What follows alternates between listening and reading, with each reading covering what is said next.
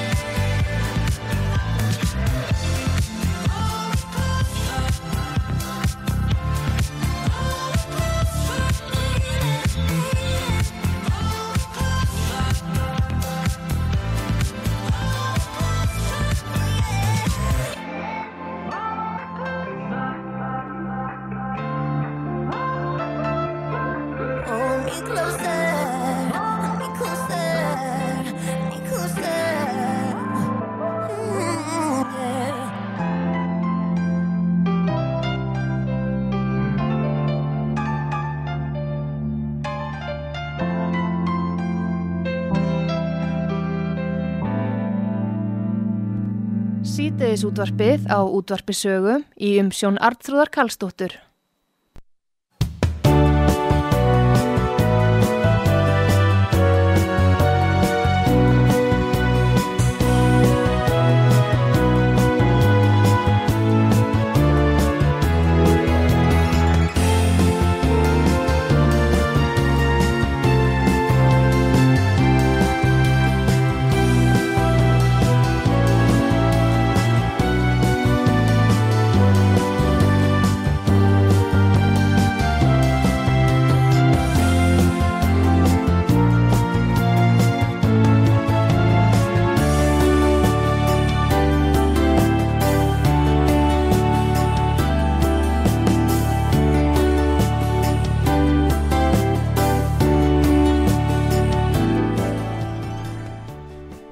Þið sæli fyrir að hlusta út hvað sögu Artrúðu Kallstóttir helsað ykkur.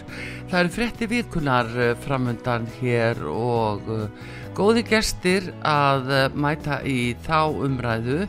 Það er Ingi Björg Ísaksen sem er alþingismadur frá Framsónafloknum. Hún er þingflósformaður og ætlar að ræða svona helstu mál sem að, að hún hefur myrkosti orðið áskynja í þessari viku. Þau eru þetta mörg því að nú kom þingi saman í fyrsta skipti á allavega þessu hausti og þingsetning náttúrulega hefur sinn sjarma og, og sína hliðar og það verður að ræða fjárlauginu auðvitað á flegi ferð og síðan er það Jóhann Pál Jóhansson frá samfélkingu það vekur aðtikli að eitt fyrsta máli sem að kom frá stjórnarnarstöðuflokkur um samfélkingu, pýrötum og viðreist var að uh, það skildi bóða uh, til þjóðaratkvæðagreyslu um um yngungu okkar í ESB Evrópussambandið eða taka upp viðræður og ný eins og það er orðað. Og við munum ræða það hér og eftir en Ingi Björg hún uh, hérna er þingflósformað fransunaflóksins og það eru þetta líka yfir uh, smál sem að er að byrja að koma frá stjórnarliðum og þá sem ríkistjórnar frumverk Uh, við byrjum Ingi Björg kontur sæl og velkomin út á sögu. Já, takk hella fyrir. Og við byrjum af því að við býðum bara eftir Jóhanni Páli en uh, við byrjum á hérna svona því þú ert ný komin inn á þingið og það er nú frestandi að spyrja ykkur sem að er það að koma svona ný að hvernig leggst þetta svona allt í því, hvernig blasir þetta við þér? Þetta, já, þessi vetur leggst bara virkilega vel í mig. Mm. Uh, ég verð að segja sem nýr þingmar fyrir, já, rétt hæpu árið síðan, uh, þá, þá var þetta í, í senn í rauninni mikill heiður að fá að, setjast alþingi. Mm. Það er ekkert hver sem er sem að fara tækifæri til þess. Þannig að fyllist lotningu að fá að, að starfa þarna inni á mm. þessu háa alþingi. En um leið er þetta líka, getur þetta líka verið svolítið ógnvænlegt það er mm. atna, uh, mikið af málum sem þarf að setja sér inn í. Þetta er ábyrgfylg starf. Mikið af hefðum. Og að þú komst inn á þingsetninguna áðan þá er það einmitt mjög hátilega aðtöp og, og skemmtileg og gaman að fá að taka þátt í henni. En um leið eru líka bara vissar hefðir inn í þingsal eins og ég var að taka á móti var að þingmannum okkar í dag en er Brynju Dan sem kemur Já. inn fyrir ásmund einar Já að ég var um þetta að segja henni útskýra fyrir henni hvað hún situr, hvernig er að skrifa undir drengskaparheiti, mm -hmm. hvernig maður ávarpa fórsetta, uh, ráðherra og þingmenn og eins líka varandi hvað reglur eru við varandi púltið og myndatökur, það má til dæmis ekki taka mynd inn í þingsal Nei. það eru fáið sem vita það en þetta er svona, það er ímislegt að læra en, en bara virkilega gaman og mm. nú er maður komið kannski með já, eitt ára af, af smá reynslu í bankan já og er bara spöntur að, að takast á við þetta. En þú ert eh, strax valinn sem þing, eh, þingflósformaður, það þykir svona nokkuð hátt ennbætti hjá stjórnmálarókanum. Já, það, það er það. Uh, þetta er kannski starf sem að margir átt að segja ekki á hvernig er en þetta, þetta er bara, jú, þetta er ábyrðafull starf og, og ég er bara rosalega stolt að því að mér hafi verið treyst fyrir þessu starfi. Já, en þú kemur úr sveitarstjórnamálum eh, bæði frá Akureyri og Egefjörðarsveit, þannig að þú átt allnokkuð langan feril í stjórnmálum. Já, uh, konan sem ætlaði aldrei í pólitík. Já, það er svolítið. Já. Já, ég allavega, þú veist, það var ekkert endilega á daskarun hjá mér, en ég slýsast inn í pólitík í Egefjörðarsveit, mm -hmm. uh, bjóð þar í þó nokkur ár þykir alltaf vant um, um þá sveit steg þar mín fyrstu skref og, og fekk smá svona smjörþefin af þessu mm. og svo þegar ég flutti til Akureyrar þá þurfti ég að segja mig frá sveitastjórnastörfum í EFR sveit mm. og þá voru henni bara nokkri mánuði til sveitastjórnarkostninga og ég fór þá og gerði slóksbundir inn í framsók mm. og eh, fór í kostningar þar og við mitt okkur gekk bara mjög vel og komist inn í meirluta þá mm. í samstarfi við samfélkinguna og ellistan og svo einmitt í næstu kostningum á eftir þá hlutum við líka einnig mjög góð kostningu og það voru sömu flokkar sem tóku saman um samstarfi þá. Já. þannig að þetta er, þetta er heilmikil reynsla og, og dýrmætt reynsla sem ég get þá nýtt með líka núna inn í þingstörfin. Já, einmitt, einmitt. En uh, núna það vekur aðtikli að uh, við langar að spyrja þig uh, það kom þó eitt uh, fram hjá fórsættisáþurða núna í stefnuræðinni að uh, hún vil banna uh, eh, oljuleit uh, eh, á Íslands eða svæði Íslands mm -hmm. hvað segir því framsónamennum það? Akkur er á að stoppa þetta? Já, þetta er bara mál sem að fósætsra þeirra uh, leggur fyrir þingið Já. og við erum nú reyndar eftir að taka þetta mál fyrir í þingflóknum mm. hjá okkur til Já. umræðu þannig að það verður að koma í ljós hvernig, hvernig svo umræða fer en það verður áhugavert að fylgjast með þessu í þinginu hvernig Já. þetta, þetta, hvort þetta fáið, já, þetta færður alltaf sína þinglegu meðferð og hvernig umræður verði í þingsal en þetta er auðvitað kannski líka í takt við bara markmið Íslands í orkumálum og orkuskiptum sem mm. er kannski stórumálin í dag veist, stríðið í, í Júgrænu hefur uh, ekki fengið, já ég raunin ekki látið neitt nóg snortin í heiminum Nei. í dag og, og umræðan um ólju og gas og uh, mikilvæg þess að vera sjálfbær í mm. orku mm. er orðin mjög hávær og við á Íslandi þetta, erum bara í einstakri stöðu hvað já. það varðar að þetta fyrir hvað var það ekki um 1930 sem við riðumst í orku skipti já. á heimilónum okkar tókum út uh, kól og gas það var alveg gríðalegt framfara skref sem við búum að í dag. Uh, og í rauninni stöndum ekki fyrir fram sömu erfileikum og, og sama gríðalega kostnaði og margar Evropaþjóður eru að horfa fram á í dag. Mm. þannig að ég held að við getum bara verið virkilega stolt því að þú veist uh, í rauninni eins og ef við horfum á þessi loftlagsmála þá er stærsta framlega Íslands til þeirra nýting þjóðarinnar á grætni orku.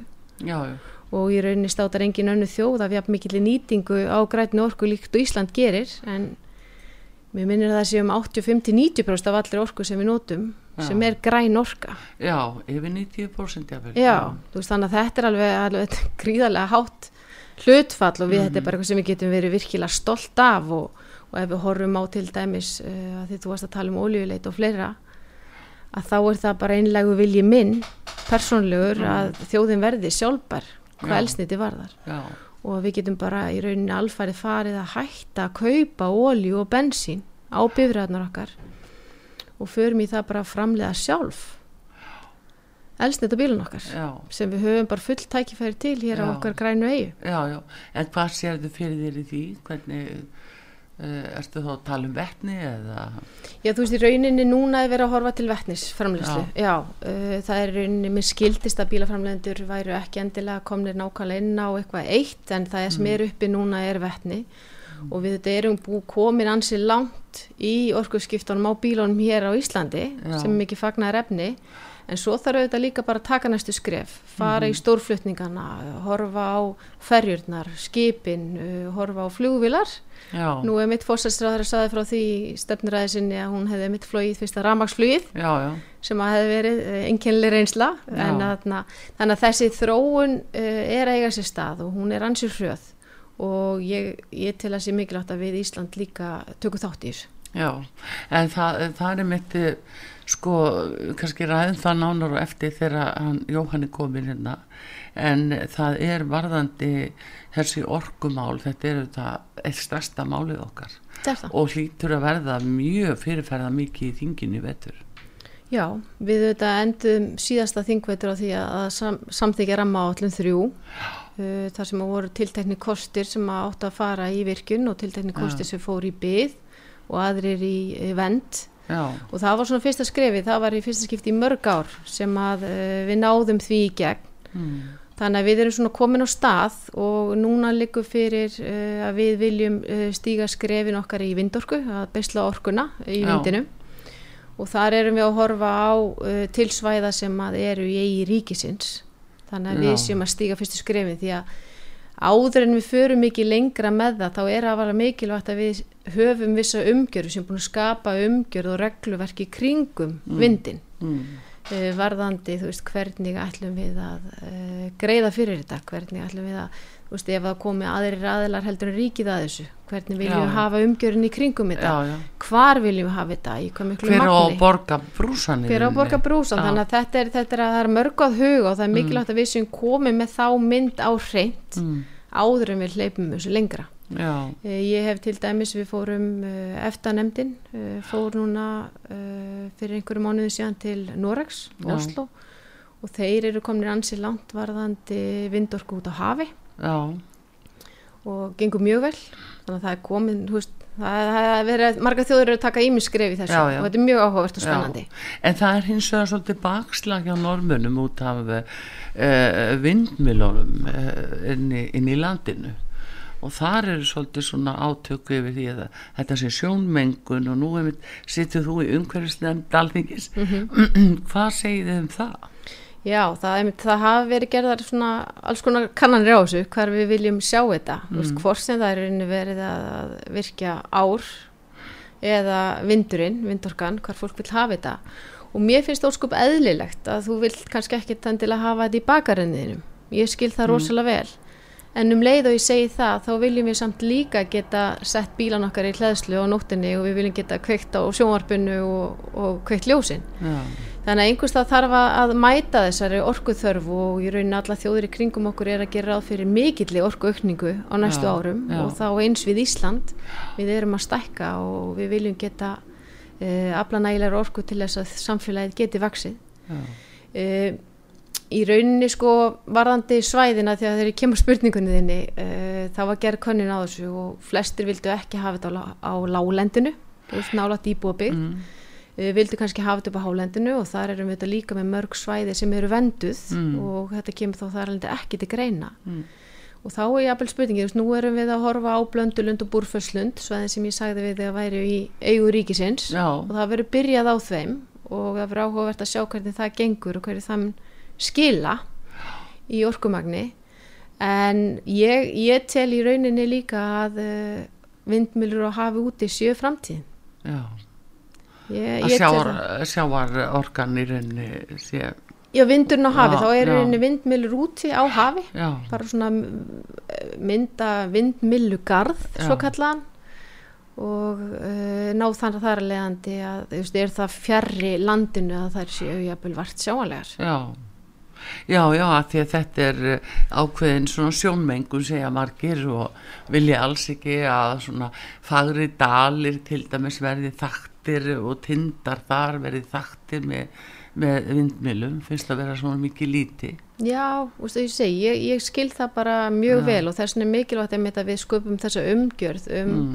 hvernig við viljum sjá þetta þróast mm. og hvar þá jafnvel, hvort við viljum staðsetja þetta á vissum svæðum á landinu við viljum mm. hafa þetta á fjórum, fimm svæðum á landinu uh, þar sem þetta kannski sérst lítið uh, ég veit ekki, það er eitthvað sem við þurfum bara að ræða frekar í þingsal Já, já, en, uh, hérna, en þetta með hver á að borga þetta og uh, er það inn í myndinni að ríkiborgi einhvern startkostnað og síðan tækju enga aðila við eða hvernig er, veistu hvernig það er hugsað svona með lísjónu jafnvel að fjálagafröðarpi Nei sko, í rauninni bara þessar vindmilu sem við erum í rauninni uh, að fara stað með núna mm. í Búrferslundi og Blöndulundi, það verður rauninni bara á vegum ríkisins og fyrirtækja í eigu ríkisins. Já. Uh, þannig að það er engir aðrir aðilar sem koma að því að, mm. svo ég best viti sko. Uh, síðan eins og ég var ræða varandi að það er alltaf verið að tala um þessar auðlindir okkar, sjórin og allt sem að í honum er og, og fleira, að þá er líka einmitt þessu umræða hvað er auðlind hversu langt nær hún ja. Eh, nær hún til myndsind þannig að ef það koma aðilar hérna að eh, Jú, hvernig þeir þá greiða fyrir vindi. já, já, en það er náttúrulega allt eh, sko innan fullveldisréttarins. Þá já. er það náttúrulega til sjávar og lands og, mm -hmm. og, og, og lofts. Mm -hmm. og auðlindnar eru í eigu Íslandika og það er alveg innan tól sjálfmina það er alveg á hreinu. Þannig að þarna er líka auðvitað skýr mörg má segja Já, það, það gerir það, en eins og ég segi, það þarf svolítið að skapa þessu umgjörð og mm. skilstað umhverfis uh, loftlags orkumálur á þeirra uh, sé að skoða þetta, þetta er á hans borði núna já. og vonandi mun frumvarp lítið að dagsins ljós á þessu þingvetri varðandi þetta. Já, uh, hvað með vatnið okkar?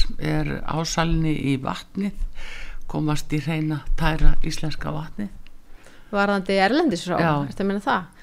Já, við þetta erum að flytja út vatn, mm. íslenskt vatn og ég veit ekki, ég veit ekki með þig en mér, mér finnst þetta besta vatn í heimi. Já, já, ég held að, ég held að við séum samanlega um það. Já, en, en þetta er auðvitað líka takmörku öðlind. Mm. Þetta er ekki, ekki endalöst og við þurfum að, að bera virðingu fyrir þessu og við erum þetta hérna á Íslandi með vissu vassvendarsvæðir sem þarf að, að umgangast að varúð já. og bera virðingu fyrir þessu og nú er mitt satt ég þegar ég var í mínu fyrra starfi sem bæja fulltrú Akureyri þá sæti ég í stjórn Norðurorku þar sem að þetta kom oft í tals. Já. og það er einmitt voru gerð myndbönd um það hvernig, hvernig við eigum að umgangast vatnið varandi þegar við erum að tampast okkur eða, eða þú okkur og þar fram til göttunum en ég held að sé alveg tækifæri í þessu að, að flytja enn frekar út vatn. Já Er, er búið að hérna, fara fram svona já, hávísindileg rannsókn á gæði vassins á hvaða stíða er hvar, hvar eru bestu vassauðlindi landsins ef, ef við erum að hugsa um útflutning til dæmis? Þessi, Ég þekki það bara ekki. Nei, Nei ég, ég þekki ekki til þess sko ég veit bara að, að vatnið er ofsalega gott. Já, já, já. En þetta eru þessar auðlindir sem að, að núna fara að verða svo að fara að verða svo mikil eftirspurn eftir. Mm -hmm. og það sem að svo, bæði er aforkan og, og, og vatnið. Þannig að þetta er það eitthvað sem að, að við þurfum núna í dag að taka svo margvíslegar og á, á, svona sterkar ákvarðanum það er alveg hárétt, það er þessi hreinleiki Já. sem er verið að sækjast eftir mm. og þá kemur kannski líka svolítið inn á í rauninni innlenda framlegslu sem við stöndum vörðum hér á Íslandi Já. og uh, í tengslu við stríði sem við nefndum hérna áðan og, og orkuöryggi þá kemur fæðuöryggi líka stertinn mm -hmm. og það hefur verið svolítið umræðin í þinginu og mun eflaust halda áfram, mm. við sáum það með stríðinu að verð á ábyrð og kortni það hækkaði úr öllu já, valdi já.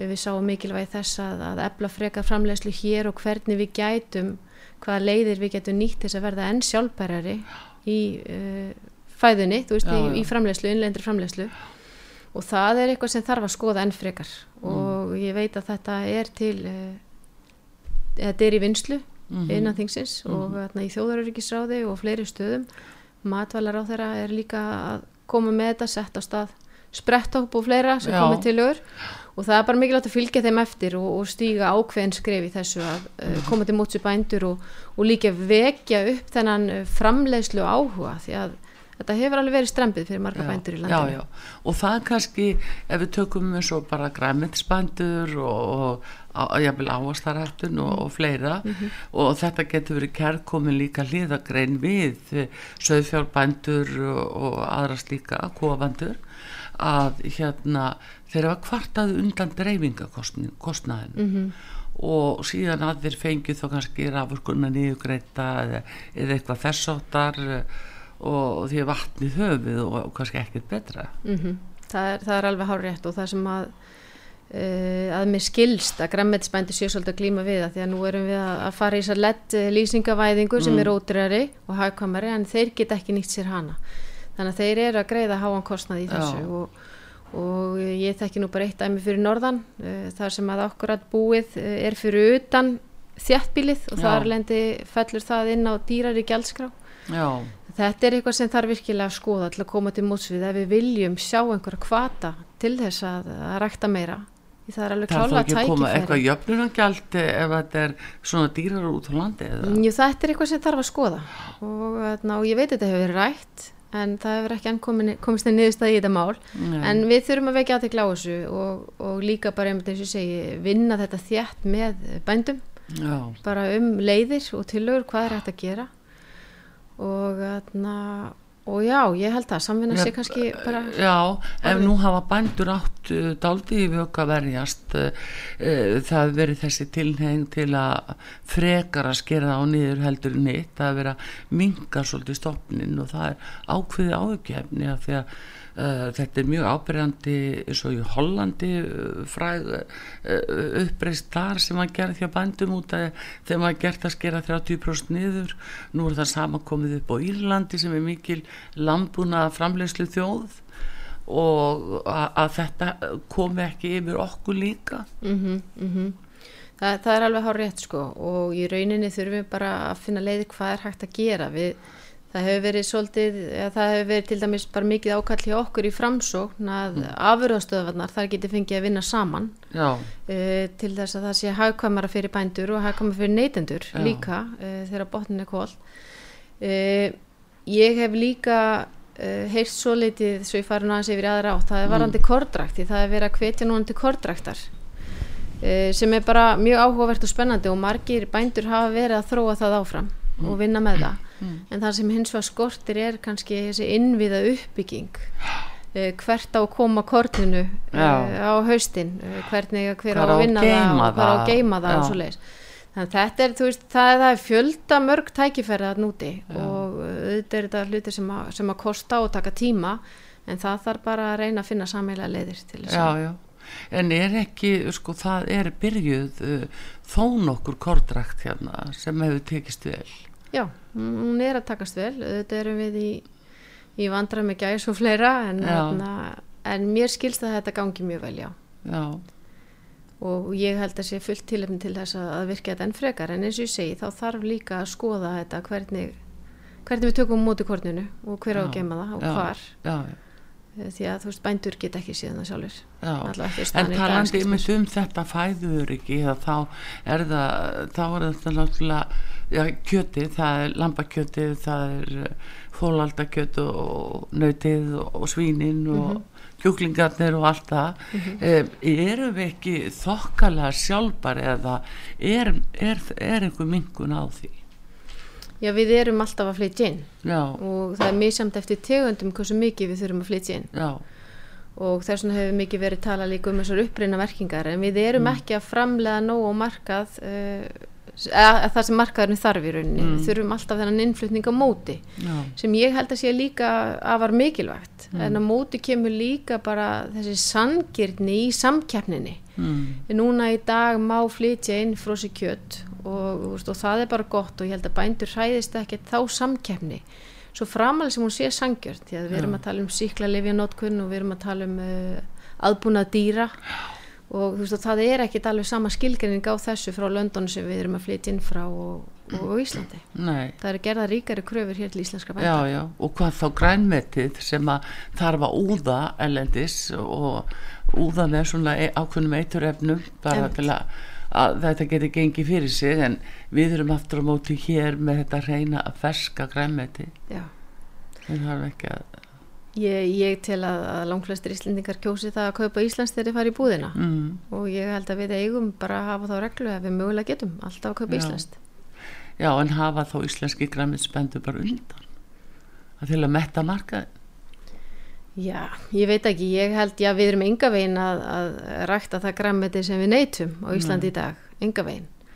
En eins og ég segi, það er líka líka tækifæri, veist, bara hvernig við getum í rauninni uh, byggt upp og, og hvað til til þess að fólk fari og ráðist í þetta því þetta er meirinn að segja það. Já, það þarf svæði undir þetta og það þarf í rauninni þekkingu Mhm. og mannuð mm, og þetta er, við erum byrjuð á þessu og við þurfum að byggja, byggja frekar undir þetta. Já, en þú hérna Ingibjörg uh, þú átti einmitt sæti í uh, já, þú ert í þingmannanemnd Íslands og ESB þú ert í Íslandsdeild þingmannanemndar EFTA og ESB ES og formaði þar og Íslandsdeild þingmannanemndar EFTA og ESB sko hérna mm, hvernig sérðu það, það sem að er og áhrifin á Ísland gagvart ymsum ákvörðun sem eru teknar innan Evropasambassins eins og þetta að eh, skera jafnvel niður 30% af eh,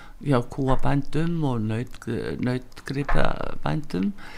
Nú eh, hérna er mikið talað um það að það þurfa að breyta fæðun okkar og uh, það er verið að leita próteini, það er verið að bjóða upp á að skordýr skordýraprótein sem við ættum að leggja okkur til munns. Það er jafnvel talað um að það þurfa að minga fiskveiðar um 30% líka. Og við sem raunverulega lifum hér á fiski má segja og höfum alltaf gert þetta er alltaf okkar þetta er bara eitt okkar sterkasta afl sem við höfum til þess að lifa af uh, hvernig hugnast það þér ef, ef við erum að fara að skipta á einhverju próteinu úr uh, hérna skordýrum í staðan fyrir íslenska fiskin Já, ég kýs alltaf íslenska fiskin umfram já, það. já, ég geri það uh, þetta er auðvitað fylgta skamstöðunum sem þú fórst með hérna áðan já, varðandi EFTA og, og EES en núna eins og staðan er í dag að þá erum við með þannan EES samning. Og hann er að tryggja okkur rauninni bara það sem við þurfum í dag okkur, mm. allavega er það mitt uh, mat að Ísland er betur betur komið að hafa þennan samning heldur en að vera innan Evropasambandsins. E, ástæðan fyrir því að ég segi það er að þeirra ákvarðanir teknar inn Evropasambandsins e, þá er það stundum aðalagar og, og teknar inn í EES mm. og þau lönd, nei inn í EFTA segi og þau lönd sem eru inn í EFTA e, sem er Ísland, e, Líktenstein, e, Norrögur og Sviss, þau þurfa að fara með þetta, þessa lögjöfinn til sín og þingi þar að samþykja það. Já ef að það er eitt land sem að samþykir ekki lögjöfina þá gengur hún ekki gegn Nei, akkurat Þannig að þetta er svolítið styrkur í rauninni fyrir þessar þjóðir til þess að mm. geta haft ákvörðunrétt um hvað uh, á sér stað mm -hmm. og hvað lögjöf er sett inn í hverju landi Já. Þannig að veist, ég til að það sé, sé okkur sem mun betur komið þar innan þessar samningsheldur að ganga en í Evropasambandi til dæmis og þar getum við líka þá haft áhrif á uh, þá lögjum sem á sér stað. Uh, við erum með einstaklinga í, í Sviss, uh, skristóður þar og fleiri Já. sem er að vinna að þessu fyrir okkur. Og er að reyna að ná eins góðum samningum og hægt er. Já, og svo þetta er uh, eftir aðþingmannefndin eftir að var til dæmis núna í Tælandi á dögunum.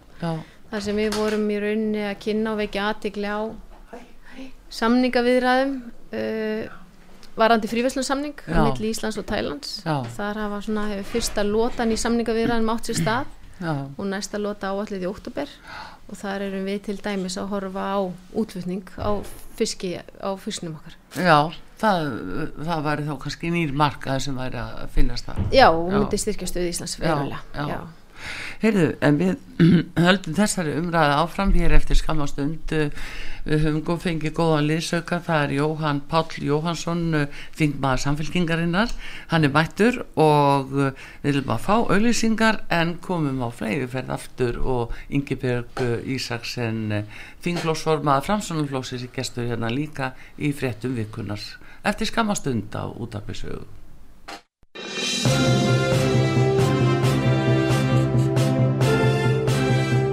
Þú ert að hlusta á frettir virkunar á útvarpi sögu.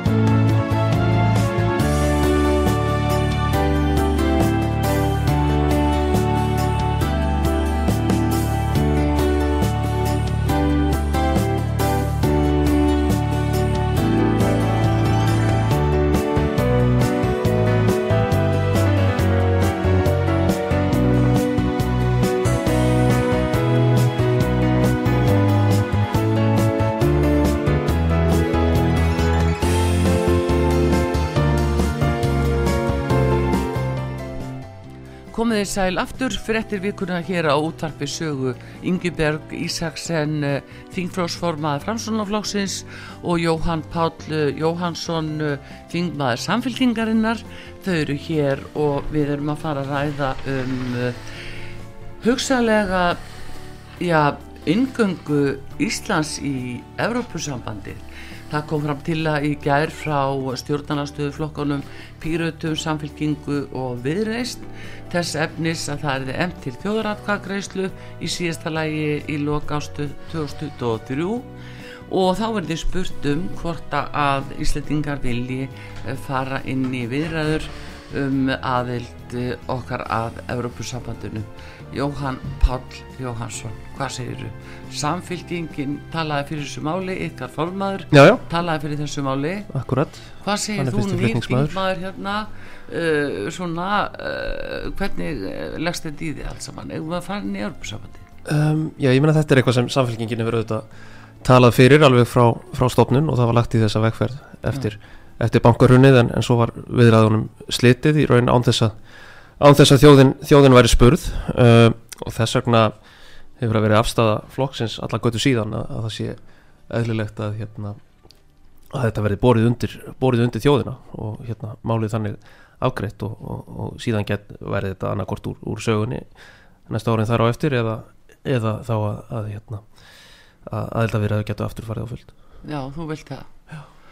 Og kostinni við það af hverju, af hverju ætti Íslanda farin í Európa saman Já það er þetta bara mjög sterk menningarleg, pólitísk og fjárhalsleg rauk fyrir því að, Ísland tilheyri þessu ríkjasambandi sem hérna sem flestar á okkar nágranna þjóðum tilheyra. Uh, og þannig er þetta uh, þannig myndu viðskipta kjör batna uh, það er dreigið stórkoslega úr viðskipta kostnaði um, og það er bara mjög, mjög mörg sterk rauk sem nýga að Evrópussabbatsaðild en ég ætla ekki að, ekki að hérna, láta eins og það séu engir ókostir heldur nei, nei. Að, en, en til þess að ég, held að sé til dæmis nú, nú til dæmis létt Sæðlabankin uh, skoða, rannsaka mjög, mjög rækilega valkosti Íslands í gældiris og, og gengismálum mm. og peningamálum árið 2011 og gaf út mjög ítarlega skýrslu þar sem voru raktir kostir og gallar við það að, að tilheyra stærra eh, myndsambandi mm. uh, og ég held til dæmis núna að vera algjörlega borleikjandi að, að hefja, hefja slíka vinnu aftur vegna þess að svo þetta breytist Európusambandið og þetta er ekkit sama, sama samband og það var hérna, í kringum aldamótin þegar uh, samfélkingin þegar félagsmenn í samfélkingunni greitu atkvæði um að, um að flokkurinn skildi uh, verða Evrópu, Evrópusamband sinnaður flokkur Þannig, hérna. En hvað finnst þið þá að hafa breyst þar? Er þetta að tala um Lísabon uh, uh, sáttmálan frá 2009 eða hvað hefur breyst sem að ætti að uh, svona hvetja okkur til þess að fara frekarafnin? Jean Monnet sem var hérna, hérna svona frumkvöðlum Evrópu samvinnunar á mm. sínu tíma hann, hann orðaði einhvern veginn þannig að Evrópu sambandið og Evrópu samvinnan myndi myndi svona mótast í gegnum krísur og mm. við sjáum það hefur auðvitað gerst núna, hérna, fyrst með ev evru krísunni og hérna sem, sem leiti til þess að, að hérna að, að svona infrastruktúr og, ímsum af reglum sambandsins var breytt. Uh, og svo flótamannamálinn hafa líka haft áhrif og, og svo loks COVID og, og lofslagsmálinn ég, menna Evrópinsambandið er uh, enn sem fyrr hérna svona uh, hvað getur við sagt? Leðtói svona allþjóðavísu þegar kemur að, að loslas aðgerðum Já, en nú er náttúrulega sko nú er hinn raunveruleikin í, í Evrópu, efnaðs uh, ástandi er Já. ekki Nei, gott. það er orku krísa í Evrópu. Orku krísan svakalega alvarleg Já. og þannig er þetta eitthvað sem við erum að tengja okkur við einmitt núna. Er, væri það uh, meina, það er ekki það ástæðuleysu sem hérna, nákvæmlega þjóðirnar okkar hafa verið að hérna, uh, þar hafa verið atkvæða greislur um, um um til dæmis eh, það hversu, hversu mikinn þátt hérna, þjóðirnar eiga að taka í, í, í varnarsamvinnu á vettfangi Európus sambandsins þetta eru bara svona reysa stóra spurningar sem vakna eh, sérstaklega eftir innrás rúsa í Ukrænu og ég held að þetta sé ekkit verri tími heldur en hver annar til, a, til að spyrja þjóðina Nei, nei, en nákvæmlega þjóðar er náttúrulega í úsvíjar og, og finnar voru að sækjum að fara í NATO mm, sem er mm. náttúrulega hernaðabandalag og sjá kannski sínar varnir sterkast að þar en, uh, en um leið eru, eru hérna, fleiri eh, eru ríki sem eru kannski nær rúsum að hérna að sækjast eftir Evrópið sambands aðild Já og svo það líka. hérna öryggis, öryggissjónum já, já, en varnar hagsmunna segir mm. sko, eh, nú er eh, já, Evrópið sambandi það er að koma sér upp hér mm. Já það hefur nú staðið til staðið til lengi, ég veit ekki nákvæmlega í hvað farvegi það er akkurat Vilt að íslensk ungmenni fari í herin? Nei. Nei Hvað séð þú Ingi-Björg, hvað segja framsónumennum þessu? Hvað segja framsónumenn? Já. Já, í rauninni er þetta tilaga sem, sem að hefur verið löð fram áður mm. og ég tel í rauninni bara eh, önnur brínari verkefni mikilvægari. Veist, við þurfum mm. að, að huga efnagsmálunum, við þurfum að uh, koma böndum í verbulguna og ná fyrir styrk ríkisjós. Mm. Uh, við þurfum að huga líka húsnæsmálum sem að eru í vinsli núna og ég tel að það sé svona brínari verkefni heldur en þetta. En, en auðvitað, þú veist, er bara mikilvægt líka að þetta fái sína þinglu meðferð. Þetta fer inn í þingið og við tökum umræðið þar. Uh, ég kom inn á það hérna á þannig ég til að sé mikilvægra að, uh, að ég raun að ég tel að okkar hags ég betur komið með því að vera bara með innan ES og hafa ES samningin er samningurinn hefur reynst vel í raun og veru hann hefur reynst ofbóðslega vel sko. Hann hefur gert það. já, Já, Já. hann hefur gert það en eitt sem við þurfum að hafa í huga þar ég menna það er ekkit sjálfgefið til dæmis að, að, normönum muni þykja nóg hérna, til lengdar að vera bara innan ES Nei. Þa, þar fyrir nú fram líka fjörug umræða um, um Evrópu samvinnu uh, og En það er er svona náttúrulega- brot, brotætt samkomulag Já, það er uh, kannski, sko, við erum aldrei hánormunum já, já. því þeir eru Já, að borga fyrir þessa Já, vinnu já. Og þeir eru náttúrulega tengdir með sæstreng en eru að fá svolítið afturkipp núna út af verðinu sem Já, það og gallin við ES náttúrulega er, er sá að hérna, við erum í raunin að taka við reglum án þess að hafa neitt um það, að- um það að segja hvernig það eru við Mm. eigum í raunin ekki, ekki sæti við það borð nema, nema bara svona eh, þegar kemur að því að, að útfæra þær. Í já. það- Hérna, en að öðru leiti höfum við ekkert, ekkert frumkvæðis vald og eigum ekki sæti við borðið hérna, þegar, þegar svona upprunalegu reglurnar verða til. Nei, en það er rétt, við hefum kannski ekki sætt við borðið en við getum haft aðkoma að því samt Já, sem já, áður því fyrir sem við komumst að málinu því veist, meiri líkur Já. eru á því að við getum haft áhrif á Já. það. Og síðan reynum við að taka málið og aðlaga það að íslenskum aðstæðum og aðstæðum í Líktenstein og, já, og Noregi líka. Já, já. og eins og ég sagði áðan þá er svo mikilvægt líka fyrir þjóðirnar að hafa þetta vald að geta neitað já, að þú veist þetta þarf að fara í þinglega meðferð uh, þessi lög sem eru sett og þessi Já. samlingar Já, en valdin En- þar er, er sá að í neitunarvaldinu felst svona hálfpartin uh, já, já, það, það er alltaf litið á það sem svona algjöran uh, hérna, algjört neyðarbröð sem í rauninni ógni, mm. ógni samstarfinu. Við fundum það nú til dæmis í kringum umræðunum um orkupakkan það, að hérna, helstur, hræddir. helstur rökin þar fyrir því að samþykjan uh, svona þau rök sem var helst haldið á lofti allavega uh, snýrust um það að ef það er ekki gert þá er í rauninni EES samningnum stemt í, í voða, Voða. sem ég held að sé Já. reyndar uh, alveg hár rétt sko. Og- heldur það?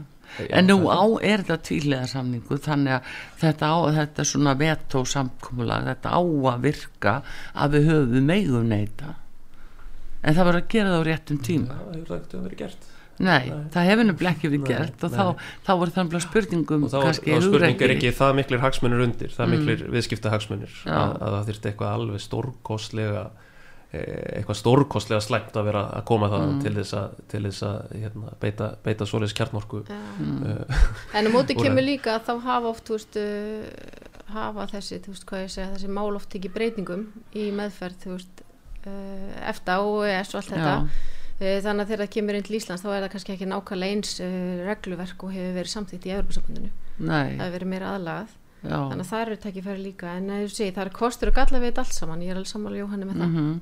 En samt þetta tala um að við eigum meiri sko möguleika á að koma að borðinu Mhm. frá svona fyrsta degi en er það ekki eitthvað sem heyri svolítið sögunni til því að nú breyttir reglum eh, eh, ES og, og þess efnis til dæmis og ESB að eh, frá 2009 að það hafði verið það fyrirkomulag að það var, var krafist einróma samþykis við einhverjum tillögum. Síðan var því breytt og nú er það bara meiri hlut sem ræður og við kannski myndum svo fá að fulltrú að við myndum ekki ná okkar fram. Það er bara meiri hluti stóru þjóðuna sem geta ákveðið. Mhm. það er allar, allar þjóðir þarna með í rauninni sama atkvæða atkvæða rétt sko nei, Nei. ekki, nei, ég er búið að breyta því Nei. nú er búið að þá breyta er þið því að tala um Európa þingið en ekki já, já, við erum að, er búið að breyta því Já. nefnilega og, og við erum svo háð því ef við færum hann inn sko. já, já. við erum nú samt alltaf með hérna með bísna, bísna marga fulltrúa á Európa þinginu með að við sko höðatölu alveg hérna talsvert já, Já, en þing- er ekki há. Nei, nei, þess að segja það að hérna já, þannig að það er ákveðni varnaglar í, í þessu já. gegn því að, að, að, að smáríki hérna, hafi engin áhrif sko. En svo eins og ég segi líka, þú veist, þú veist þetta er auðvitað bara til að sem er lögð fram, hún á eftir Já, að fara, fara í þingið og fara í atkvæðagreyslu þar og, og við þurfum bara að sjá hvernig það fer en, en það hefur ekki verið vilja einu stjórnaflokkana að Nei. gangi í Európsamöndi. nei nei, nei. Það hefur alveg komið skýrt fram. en svona það þýr allavega að kasta fram þeim bolta að þjóðin fá að hafa skoðun á því Já, Eru það, er í þá að rauninni- reikna það er það sem þetta snýst fyrst og Já. fyrstu og kannanir sína það að það er hérna, að meiri hluti landsmanna virðist vera svona fre- frekar jákvæður gagvart Európa sambandsaðild Mm. uh, og þetta er eitthvað sem þetta er í umræða sem kemur upp svo reglulega uh, Ég held að það hefur verið stór mistök hjá uh, vinstri stjórninni á sínu tíma að hérna að, uh, að, að, bera, bera ekki aðeldavirðarnar undir þjóðaratkvæði að það, það hefði styrt umbóð stjórnvalda alveg stórkostlega. Já. Um, þá meinar þá með bindandi niðurstöðu? Já, já, já, já. Um, Þannig að ég held bara að það gæti í rauninni verið allri, allri stjórnmála umræðu á Íslandi mjög til framdráttar ef að, ef að, hérna, ef að það er tekin, tekin svona umræða og, og svo er það greitt atkvæði um þetta í þjóðaratkvæðgræslu og vil ég hafa þá niðurstöðu bindandi uh, hún er bindandi auðvitað um, um það, eh, það það sem við verðum að spyrja þjóðina um Já. hvort þjóðin vilji, vilji hérna, að það verði farið þá ekkverð að halda Já. Viðræðum. En svo er þjóðin líka að eiga síðasta orðið. Mhm. þjóðin verður að eiga fyrsta og síðasta orðið. Mm En, en hvernig er, segðu mér Jóhann, þú veist, uh, núna er verið að leggja þetta fram og, og formaðurinn er þar Mhm, líka mhm. með, meðal annars og, og uh, formaðs efnið ykkar, þú veist, það, er Mhm. ekki, það er ekki samhljómur hann á milli eða það, eða, ég, jú, ég hef ekki séð, séð annað en að það sé er milli. varðandi atkvæðgjöruslun og hvað verið gert ef að í framhaldinu? Já, það eru all, það eru allir í þinglóknum á þessari tillögu og allir Mm. sammála um að, um að hérna um að leggja fram þessa tillögu um að, um að hérna, það verði þjóðaratkvæða krisla um, um framhald aðelda við hana og Kristrún var alveg skýr með það í viðtali á kjarnanum að, að, að hún væri Evrópu sinni og vildi að það er haldin þjóðaratkvæða krisla um framhald við hana þannig að eh, ég það er engin það er engin óeining um, um þetta. Ná, kannski framhaldi sem var ekki, var ekki sammálum með eitthvað? Jú, ég framhaldi, hva, hvað meina Ég bara, veist, bara varðandi niðurstöð er, hver er næstu skrif eftir það? Var hún ekki að tala um en þetta bara mikilvæg að það væri önnu verkefni sem að þyrfti að ráðast í eða eitthvað slis Já, sko, mér er svolítið skrítið að tala eins og, eins og hérna eins og, eins og þetta sé eitthvað eitt verkefni eins og sé einhver, einhver önnur sem hérna, nei, ég meina þetta, þetta er bara uh, verkefnið. Meina, ef, ef, ef, ef það er haldin þjóðaratkvæðgreisla um, að, um aðelda viðræður að Európusambandinu og þjóðin segði já þá held ég að, að hérna, það sé ekki þetta að komast undan því að, að, hérna, hefja það ferli. Ég held að það sé allir sammála um það að sjálfsög, að, já, að sjálfsög ef það er ráðast í svo leiðist og að samaskapi ef þjóðin segir nei þá væri það glæpsamlegt að, að einhverju ríkistjórn að, að, fara í svoleiðs eh, vegferð. Já, en hvað segir Jóhann Páll núna út af orkumálunum og nú eru þetta uh, sko Ísland og margar nátt í góðu málum mm. samanboru við Evrópu og fólk kannski óttast það mesta að það verði uh, tengt sko, til fulls við uh, Evróst markasvæði út af verðlæginu að hér mun allt tækka og, og rafmagni fari bara öllu valdi og annað. Uh, er ekki hætta á slíku? Meinar þá gegnum sæstreng eða Já, hvernig sem menn fara því það náttúrulega orkupakkin var náttúrulega samþýttur með fyrirvara og öll svona atrið eru þetta samningsatrið en nei, ég sé ég meina, við, við erum með okkar okkar eigin orku hér og, og stjórnum Mm. þeim málum hérna En við getum ekki sagt nei við ef einhver kemur með óskum sæstring þá getum við um vel ekki sagt nei á samíðulegu markaði. Það verið samlingsbrot ef að við segðum nei, við getum ekki það væri þá brot á, á ES ES, já. já, og, og það er ekkert að fara að breytast með fullri ingöngu í Evrópusambandi varandi það. Hvað segir þú, Yngvi? Já, í rauninni það sem að Noregur er að glíma við í dag Mm, og uh, það er rauninni það að það er hækkandi orkuverð hjá þeim já, meðal annars vegna þess að þeir voru að selja orkunu frá sér og þurfa meiri orku og eru að kaupa henni tilbaka. Auk þess sem að það hafa líka verið miklu þurrkarðar þannig að það er skortur á orku. Og þeir eru miklu vandræði með þetta og, og, og viðkenna það alveg.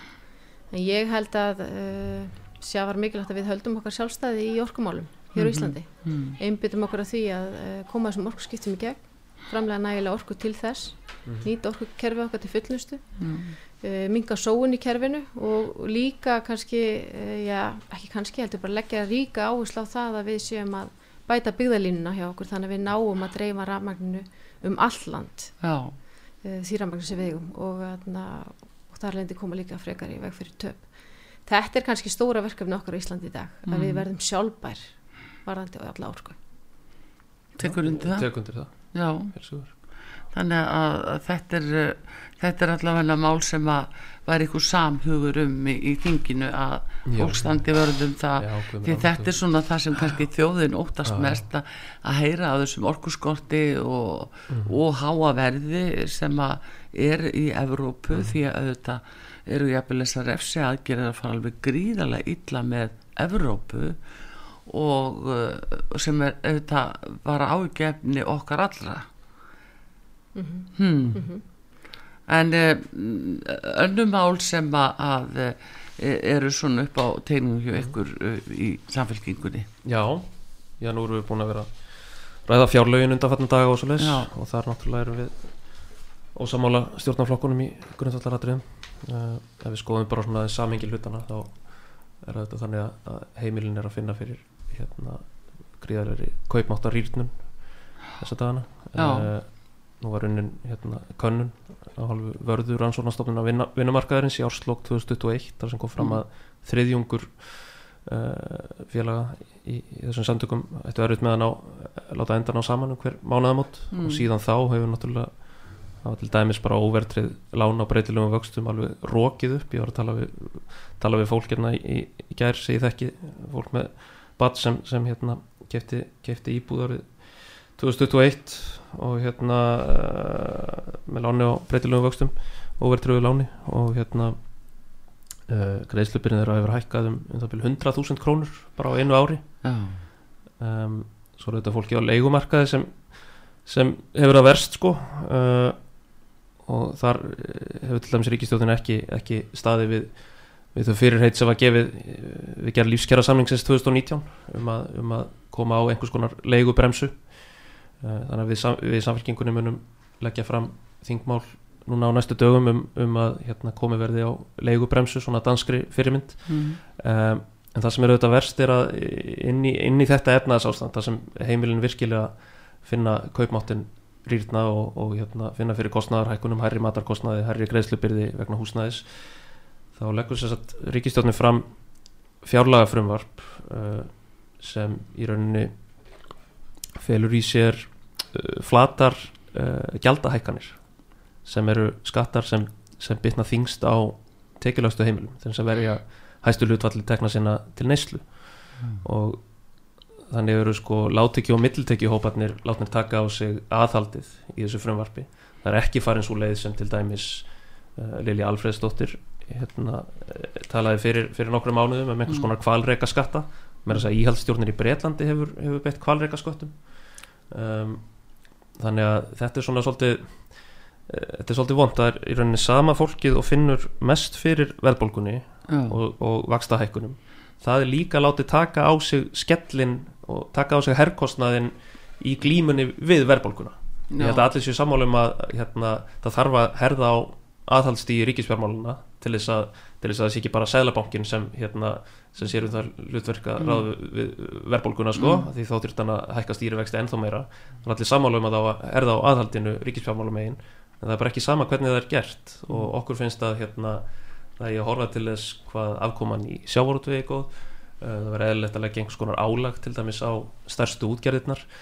Uh, okkur finnst að það megi horfa til þess hvernig fjármastekjur hafa þróast sérstaklega hjá tekjuhæstu tíundinni þar sem hérna, ráðstöfunartekjurnar hafa aukist miklu meira heldur en hjá öðrum tíundum um, þannig að það væri rauninni eðlilegt að, að, að láta sko, já, breyðu bökin taka, taka með okkur hérna, þetta aðhald. Uh, sem þarf er á til þess, að, til þess að ná niður verðbólkunni og þenslunni Og hvað segir já. þú Ingibjörg um þetta Já, í rauninni, eins og ég sagði áðan, þá er stóra verkefnið að, að byggja upp styrk ríkisjós fyrir Já. styrkin uh, til lengri tíma. mm Við þurfum að vinna áfram gegn þenslu og, og verðbólgu sem að er að sína merkjum og hún er að lækka og ef við höldum eh, rétt á spilunum þá mun það að halda áfram. En við þurfum að draga jæmt og þétt úr hallanum og stöðva skuldahallan. Veist, það er einu stóra verkefnið og halda áfram að styrkja við innviðan í landinu. Já, en samt, hvað hva, hva með samdrátt og, og, og samdrátt innan ríkis uh, kerfisins Já, sko, staðan í dag er langt umfram væntingar og Mm. langt umfram allar spár. Þú veist, atvinnuleysið er til dæmis lægra, yfir lægra heldur en það var fyrir Mm. faraldurinn. Við sjáum góðan gang í sjávarútveginum líkt og Jóhann uh, kom inn á. Og það skila sér í veiðigjöldum sem eru tengt afkomu. Og svo tók þetta ferðarþjónustan líka munhraðar við sér uh, heldur en við þorðum að vona. Þannig að gangun í samfélaginu er miklu betri heldur en gert var ráð fyrir. Unni betri heldur en björtust spár gerður ráð fyrir. Já, það er duglegt fólk á Íslandi. En já, Já. já, en, en þú veist, en þráttur velborgu þá finnum við samt að hann kom inn á það að það er varandi kaupmáttin, þá hefur okkur tekist að verja kaupmátt síðustu ára. Við erum að sjá 100 miljárða afkomubata núna á milli ára og það er gert ráð fyrir miklum hagvext í ár. Við sjáum að það er búið að skapast 13.000 ný störf í landinu en auðvitað þarf að styðja við heimilin landinu.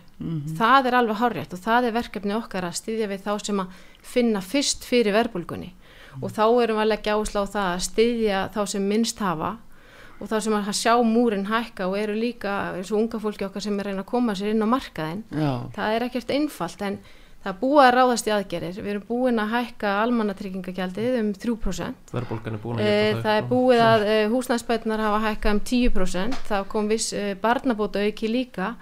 Þannig að þetta er gert þess að tegja sér til þeirra sem er að finna fyrir verðbólgunni. En hvað með Og- til dæmis bankana? Nú er alveg, það hækka vextir en er óhemju uh, sko arður af böngunum.